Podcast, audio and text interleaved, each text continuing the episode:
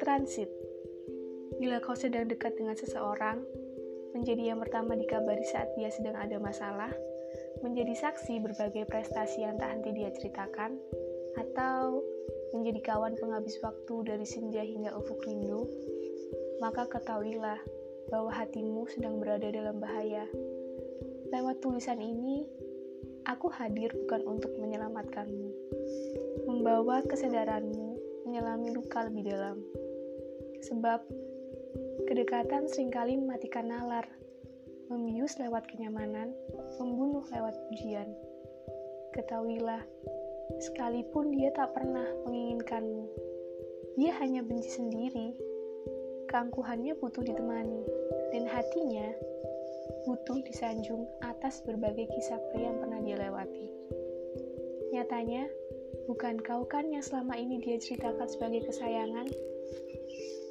Mari kita telah lebih jauh. Suatu hubungan indah bila yang terjadi adalah saling, bukan sekadar yang paling.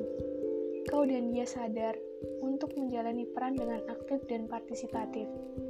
Setiap cerita, kejadian, gagasan, mimpi, pencapaian, hingga lelah seharian, kau dan dia berganti mengisi kesepian.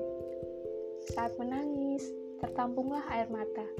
Begitu pula saat bahagia, terbagi dengan bijaksana. Tidak ada yang berlebihan.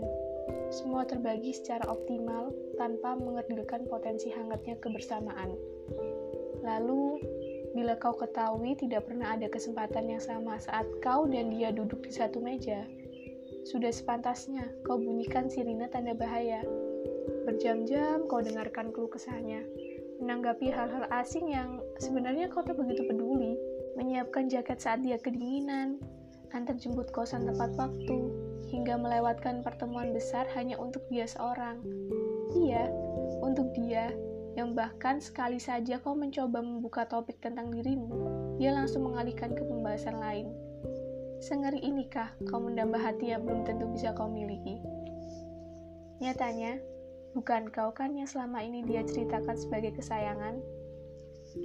Coba buka rentetan chattingmu dengannya. Baca. Siapa yang paling meledak-ledak saat menceritakan sesuatu? Berapa alinea perbandingan saat ada pembahasan?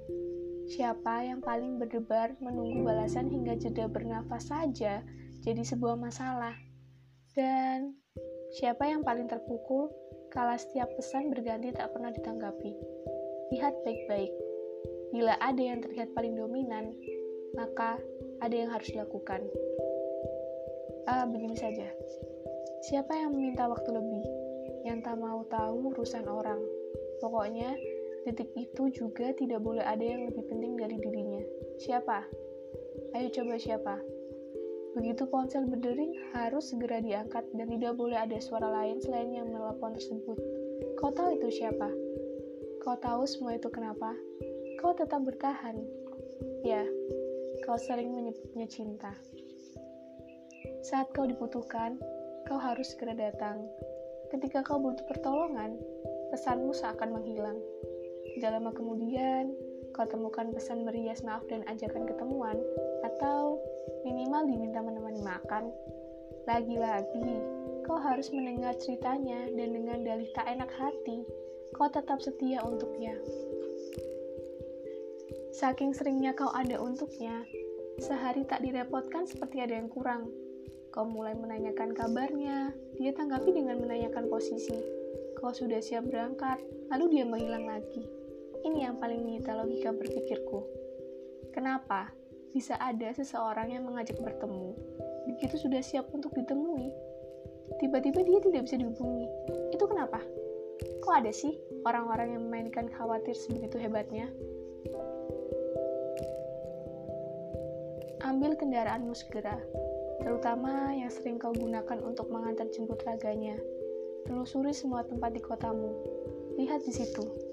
Ya, di kedai kopi, warung makan, cafe hits, angkringan, burjo, kantin kampus, tempat-tempat yang pernah kau sangka akan menjadi gerbang terbukanya hatinya untukmu, itu hanya sekedar saksi bisu. Apa? Saling sentuh hidung, cubit pipi, membaca garis tangan masing-masing, saling menatap lama sambil tersenyum, itu hanya ada di sekitarmu. Sudahlah, dia hanya benci sendiri, bukan ingin dilengkapi. Nyatanya, bukan kau kan yang selama ini dia ceritakan sebagai kesayangan? Bagaimana? Nikmat bukan rasanya bertahan dalam kesakitan? Hebat. Itu hatimu bisa bertahan begitu lama menyaksikan tumbuh kembang sakitnya. Tunas muncul, bunga semerbak harum, matang buah sedap nan ranum, Kau yang merawatnya, menyirami setiap hari tanpa mengeluh, memupuk dengan sabar, membanggakan ke setiap orang.